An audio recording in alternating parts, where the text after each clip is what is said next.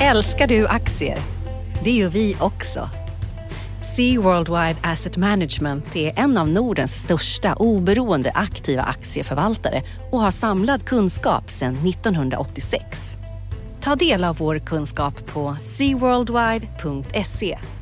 Bokstaven C, worldwide.se.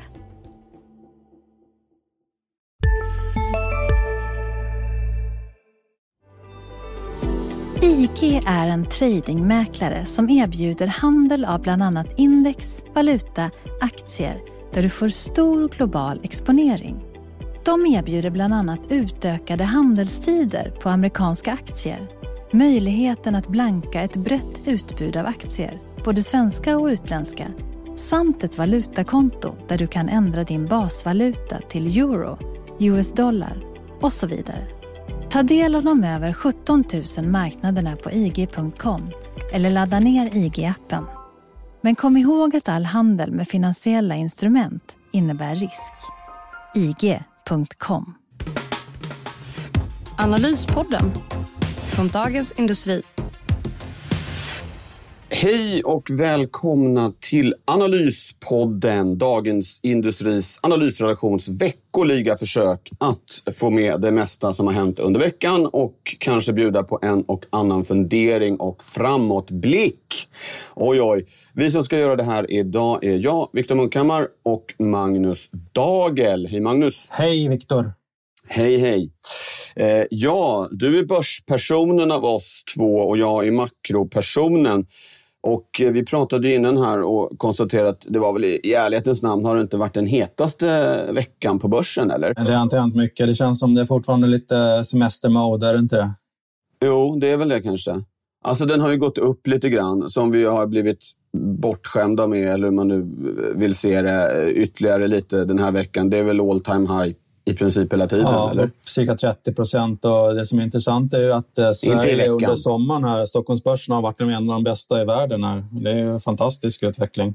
Och det, det har vi ju skrivit. Vår kollega, eminenta kollega Mikael Wilenius har ju skrivit en bra artikel om det, tyckte jag i somras, där, att svenska bolag tillhör de absolut bästa i världen. Och det är väl den känslan man har haft, tycker jag, länge när man har ja. Eh, analyserat svenska börsen länge, att eh, vi har väldigt hög kvalitet generellt. Eh, och det, det avspeglas ju att kurs, kursutvecklingen är väldigt, väldigt bra under många, många år här och står sig väldigt bra mot övriga världen, tycker jag.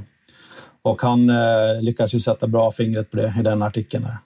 Just det. Det kan man ju tipsa om om man vill. Eh, Mikael Velenius texter innehåller generellt väldigt mycket information, inte minst grafiken. De, de, de kan man sitta och titta på väldigt länge. Så om man vill verkligen grotta ner sig i detta så leta upp grafiken från eh, den texten.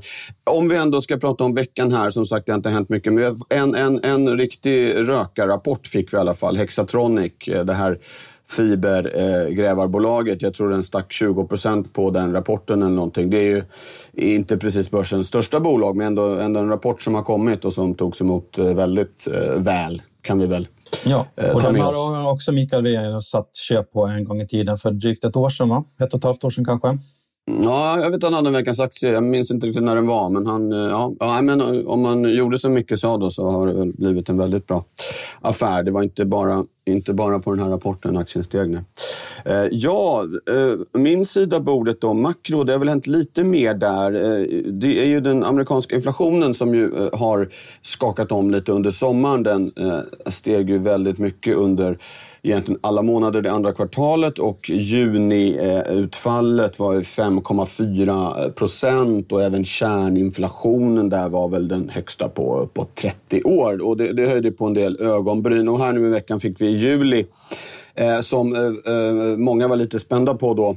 Eh, och det var eh, headline som det heter, alltså huvudsiffran var samma som i juni, 5,4. Däremot så eh, under huven så kunde man se en del tecken på att de här eh, den här pandemirelaterade uppstudsen, eller man ska säga, börjar lägga sig lite grann. Kärninflationen sjönk nu till, till 4,3 och det är alltså rensat då för energi och livsmedel som hoppar runt ganska, ganska mycket. Och också lite sådär delkomponenter, att det lägger sig lite grann. Men, men det är fortfarande ett väldigt högt inflationstryck i USA. Det, det ska man säga. Om man ska, jag tycker det är för tidigt att helt avskriva de här teorierna om att allt det som har kommit i pandemins kölvatten med komponentbrist, med enorma stimulanser och, och, och, av olika slag och så vidare faktiskt skulle kunna leda till ett, ett lite högre inflationstryck än vi har haft. Men, men, för nu i alla fall så bjöd den här eh, liksom, siffran på eh, tecken på att eh, eh, Feds linje håller det här transitory, alltså övergående, att det är en eh, tillfälliga, tillfälliga effekter. Och eh, ska vi tillägga det att det, det beror just på liksom väldigt lätta jämförelsetal med pandemin i fjol, att inflationen är så pass hög som den är nu, både i Sverige och USA. Va? Det är sådana det är såna effekter och det är också så här konstiga säsongsmönster som inte är som de brukar. Så det är, det är väldigt stökiga, stökiga siffror. Och, och eh, nu här precis innan vi började spela in det här samtalet eh, så kom det ett juliutfall även för Sverige Eh, där eh, den underliggande inflationen, KPIF, som är då eh, Riksbankens målvariabel, eh, var upp 1,7 i årstakt. Det var lite mer än väntat. 1,6 eh, var det som var prognostiserat. Det var också det som var i juni. Men det kanske mest intressanta där är att det var väldigt, väldigt mycket energi som drev det här. Om man tar bort den exklusiva energi som är ett annat mått som Riksbanken tittar en hel del på, så var den upp 0,5 och det är faktiskt den lägsta sedan 2014. Eh, det här kommer, jag, jag, tror inte det här är någonting som Riksbanken bryr sig särskilt mycket om eller någon annan just av de här skälen vi var inne på. Det är konstiga tider fortfarande, det är konstiga säsongsmönster. Kommer, vi kommer förmodligen se, se eh, lite högre utfall på... Det här var nog botten för kärninflationen så att det är absolut inget man behöver liksom sätta kaffet i, i halsgropen över. Förväntningarna ligger att man, den ska komma ner, inflationen nästa år helt enkelt? Eh, ja, precis. Kärninflationen tänker man sig nog ska komma upp lite. Eh, den här KPIF då kanske kan, kan eh, komma nu när, när, när, när energipriserna har varit oväntat höga här under sommaren. Det hade man inte riktigt eh, trott, eller de flesta hade inte trott det, så att vi kan nog få lite, lite högre utfall på, på huvud, huvudsiffran. Men det är ingenting som ändrar eh, utsikterna eh, på något materiellt sätt för, för, eh, för Riksbanken. Ehm, det som skulle kunna göra det som var lite intressant, som också kom här i veckan, var en eh, uppdatering från Konjunkturinstitutet. Ehm, de släpper ju eh, konjunkturprognoser och så gör de ibland uppdateringar. Och den, en, en, förändring där var att de nu har skruvat upp förväntningarna på löneökningstakten eh, i år till 2,9 procent. Ehm, det har varit lite högre lönetryck än de hade trott här senaste tiden. Och det där är ju intressant. Det är ju det som liksom har saknats verkligen för Riksbanken. De har ju ibland fått upp inflationen över målet för att, de har, för att kronan har försvagats eller för att energipriserna har stigit. Men för att uthålligt ska ligga lite högre än det har gjort så behövs det en högre löneökningstakt. Så det där kan ju vara någonting att, att hålla ögonen på. Så Sveriges löntagare de kan se fram emot 2,9 procent nu kommande året? Är det det du säger? Eh, KIs prognos är att timlönerna i snitt kommer att öka med 2,9 procent i år. Ja. Sen så, eh, nu ska jag inte säga för mycket, jag tror att de räknade med en liten eh, nedgång nästa år till 2,5. Det finns ju det här avtalet i, i grunden som ju var ganska lågt, 2,2 och 2,3. Eh, men sen att det kan bli lite löneglidning då, det beror ju eh, helt enkelt på hur het arbetsmarknaden är. Och där skrev en annan av våra kollegor, Nils Åkesson, faktiskt en text här i veckan. Pekade på att antalet lediga platser är ovanligt högt. Eh, att Arbetsmarknaden har gått väldigt starkt här under sommaren. Många företag som pratar om arbetskraftsbrist. Om man tittar i olika enkäter så anställningsplanen ligger på väldigt höga nivåer. Så att kanske, kanske finns det hopp om att löneökningstakten kommer upp eh, lite grann. Det vore ju trevligt för oss som löntagare och det är också liksom verkligen en pusselbit som, som eh, Riksbanken har letat efter i många år. Den har ju legat på eh, löneökningstakten alltså på ungefär 2,5 procent i, ja egentligen sedan finanskrisen. Eh, och då blir det liksom väldigt svårt att få ett, eh, till en uthållig inflation på, på 2% Så det var, det var lite intressant från, från veckan. Men vi ska väl vara ärliga och säga att det har inte varit den hetaste veckan faktiskt. Ärlighet vara längst. Nej, men det är det som har hänt på makrofronten i veckan viktigaste. Ja, eh, om jag ändå får ta upp någon mer grej och blicka lite framåt så har det varit flera Fed-ledamöter ute och pratat. Eh, alltså ledamöter i eh, ja, USAs motsvarighet till Riksbanken, då, eh, Federal Reserve. Eh, och många de verkar liksom bereda marken för att börja dra ner på de här köpen av räntepapper här till, till hösten. Det eh, har varit ja, bombmatta är väl att ta i, men många har varit ute och pratat i tal eller intervjuer och, och så. Och, eh, jag tror nyckelfaktorn där är att arbetsmarknaden i USA fortsätter att utvecklas lika väl som de har gjort här under sommaren. Det har ju varit över 900 000. Och hur mycket köper de tillbaka i månaden nu? Ja, de köper 120, för 120 miljarder dollar i månaden eh, ligger Fed och köper. Det kan man egentligen säga att de köper eh, egentligen eh, underskotten från amerikanska staten helt enkelt. Gör underskott ja. i sin ekonomi och eh, och Federal Reserve plockar upp dem. Eller Det kan man säga. Även om de inte gör det. De, anledningen till att det ändå inte är då så kallad monetär finansiering är att det går via andrahandsmarknaden. Men i praktiken så är det väl ungefär så, så det går ut. Men det här skulle jag tro, om eh, två, två saker ska vi uppfylla. Då. Dels att, att arbetsmarknaden fortsätter att utvecklas väl. Fed har ju dubbelt mandat. Det är inte bara inflationen det handlar om, utan också sysselsättningen. Maximal sysselsättning ska de verka för. Eh, så att, eh, fortsatt bra jobbtillväxt.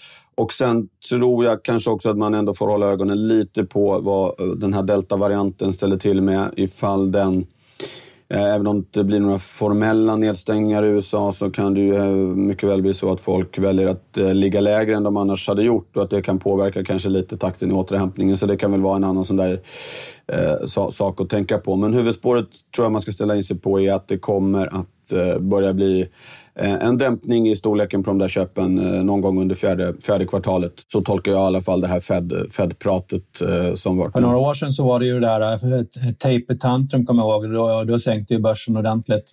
Mm. 2013. Ja, just det. Det är så pass många det år sedan. De, ja, det var ju Ben Bernanke där som i maj, vill jag minnas, 2013 lite otippat i något sammanhang.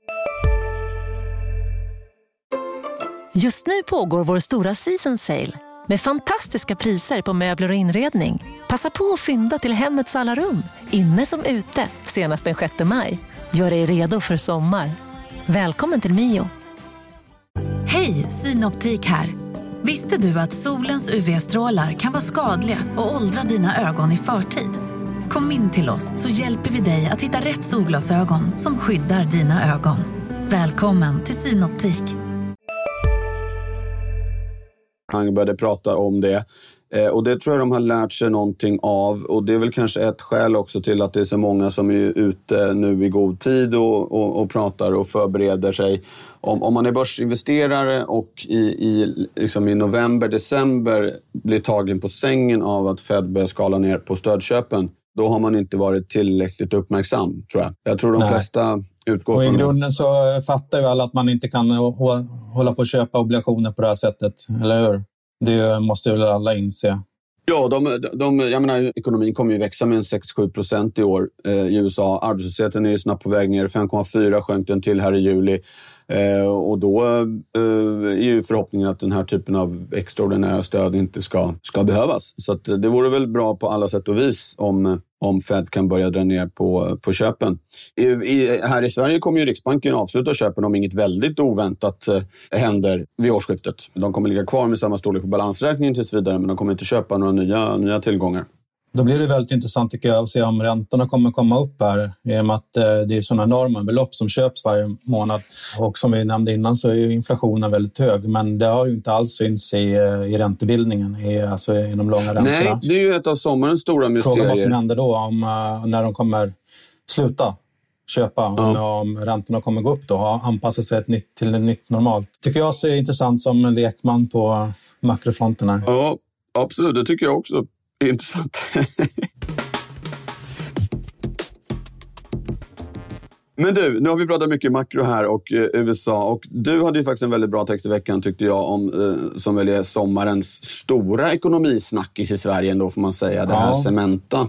Och eh, det här som skulle blivit ett stopp för produktionen då abrupt här till hösten men som i veckan en tillfällig lösning som ju du faktiskt flaggade för, på ett, på ett eh, morgonmöte att de eh, hade, tillstånd för en viss volym. Att det var en annan del och det var ju den ut, utvägen som regeringen hittade att de får bryta den volymen de redan har. Ja, vi borde varit snabbare ut där med det. Ja, precis. Det skulle varit snabbare ut med det. Nej, men och, och, och, som du var inne på så det är ju många konstigheter i hela den här äh, Cementa-historien. Verkligen. du, alltså. liksom, du har satt in i det här lite mer än de flesta. Vill du kort bara dra igenom? Jag tror många tycker att det är lite spännande faktiskt.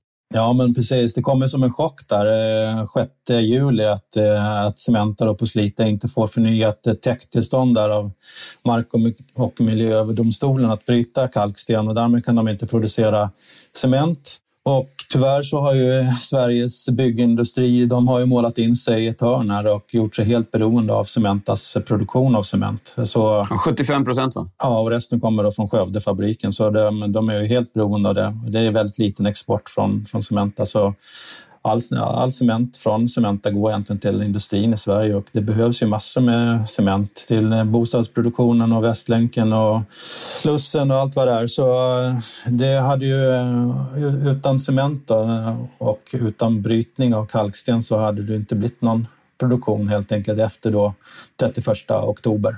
Och det blir ju kaos direkt. Och många, bland annat byggindustri, var ute och flaggade för hundratusentals jobb jobbförluster och stora störningar i ekonomin. Bland LKAB skulle inte kunna bryta stål, så det, det visar hur känsligt Sverige är för en, eh, en sån produkt. Man kan tycka att lite sten på Gotland är inte så himla känsligt, men eh, det visar sig extrema följdeffekter eh, av det här. Då. Men, så det har varit väldigt stor oro generellt i branschen under sommaren. Börsen generellt har tagit det med ro. Man har räknat med att det här kommer lösas på något sätt, för det här är too big to fail helt enkelt. Ja, ja de bygg, byggaktierna rörde sig väl ingenting? Nej, stort sett inte. Det var bara Peab som gick ner lite på sin rapport där. Då. Man ser mm. att fastighetsbolagen som bygger mycket, då är SBB bland annat, Heba till exempel, Wallenstam, har gått riktigt bra under sommaren. Då. Och det är ju inte den uh, reaktionen man ska se på en liksom, cementkris. Så marknaden i sin uh, Eh, kollektiva vishet eh, räknar nu redan med att, eh, att det ska komma något slags positivt besked. Då. Och det, det kom ju nu mm. i veckan när regeringen gick in och, och räddade industrin då, på grund av de stora konsekvenserna som har blivit annars. Men saken är ju inte ur världen precis. Åtta månader är en kort tid. Om jag har förstått det här, det jag har läst, att det kan ta flera år att hitta nya leverantörer därför att det här med cement är inte någon enhetlig produkt så att säga, utan det är vissa specifikationer som funkar i vissa klimat och så vidare. Så att det är liksom inte bara att som att köpa vattenkannor från någon annan leverantör om ens lokala vattenkannetillverkare på något sätt ballar ur. Utan det är stökigare än så. så är det. det kommer ta många år att bygga upp ny distributionskanaler och import förmodligen som kommer behövas eh, till industrin. Då. Att man, eh, det är orimligt att göra sig så beroende av en leverantör för en så viktig produkt för Sverige som man har gjort. Och det får man nog en, en liten eh, heads-up här på, på det här. Men mm. också det för, för Cementa är det ju väldigt viktigt att eh, om inte Högsta domstolen tar upp den här nu, överklagandet då, vilket inte är speciellt troligt, så måste man ju göra om den här processen och ansöka igen. Eh, och vi, vi har sett här hur lång tid domstolen tar på sig eh, att det kommer ett avgörande. Både lägre instansen, då, mark och, och eh, miljödomstolen och även eh, Mark och miljööverdomstolen har tagit flera år på sig att komma med ett avgörande, vilket jag tycker är anmärkningsvärt hur det kan ta så otroligt lång tid för domstolen att komma fram till ett sådant viktigt beslut. Och det är en ytterligare en aspekt, att, eh, hur, hur det kan ta så lång tid i Sverige, tycker jag. Ja, det är något återkommande med även gruvbrytning och annat, att det är väldigt eh, år, åratal som man, det bara händer ingenting. Ja, och det skrev vi på ledarsidan idag också, Lotta Engsell, just om, om, eh, om brytningen av, av järnmalm och liknande, att, det, att tillståndsprocessen har varit extremt långa. Det, det är någonting som måste förbättras tror jag, i Sverige kommande år. Det får inte ta så här lång tid för så avgörande produkter. Ja, men du, Cementa-krisen, eh, mycket i den, det är också det här med att de hade ett stort på gång, eh, projekt på gång för att eh, fånga in den koldioxid de släpper ut. Det här är en av landets absolut största utsläppare. Ja. De skulle investera mångmiljardbelopp. Det står ungefär för 4 procent. Det är också väldigt intressant. Så det skriver jag om i lördagens tidning. Då. Lite heads up. Ah, det kommer mer Cementa, underbart. Lite mer Cementa. Det blir en uppföljning här då, kan vi flagga -huh. för.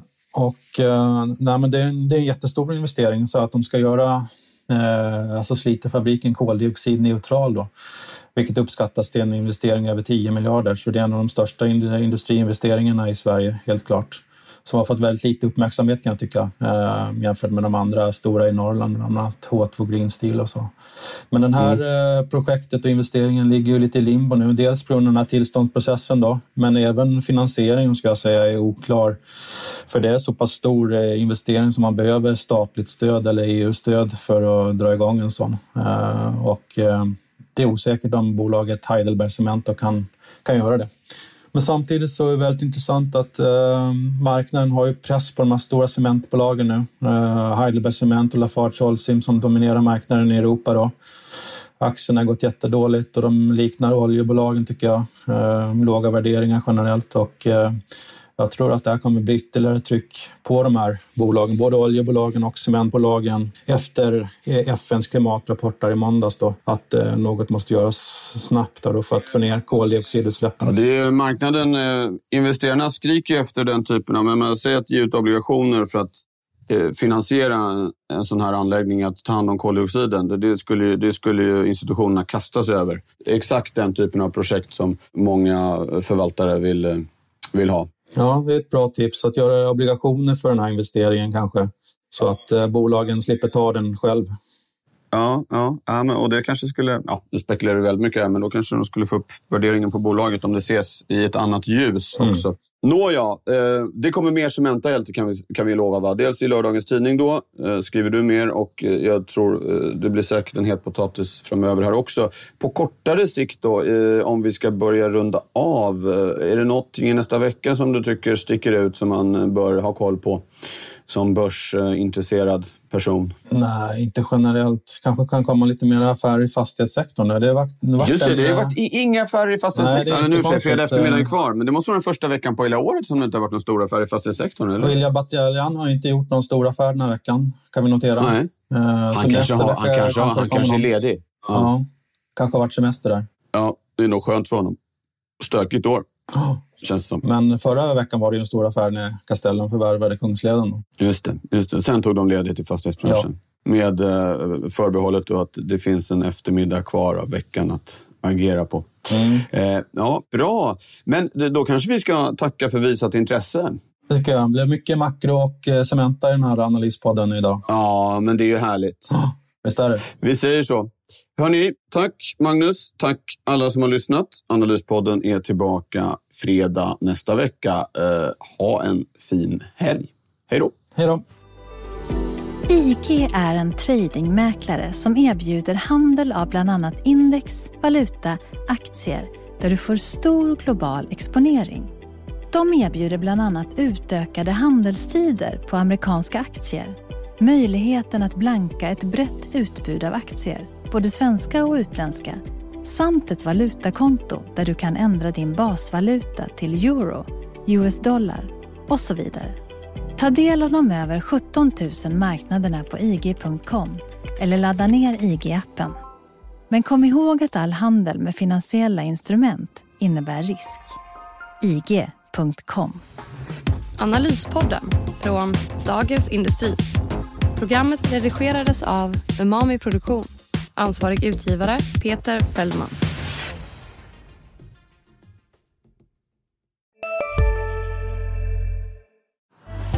Älskar du aktier? Det gör vi också. Sea Worldwide Asset Management är en av Nordens största oberoende aktiva aktieförvaltare och har samlad kunskap sedan 1986. Ta del av vår kunskap på seaworldwide.se. Bokstaven C worldwide.se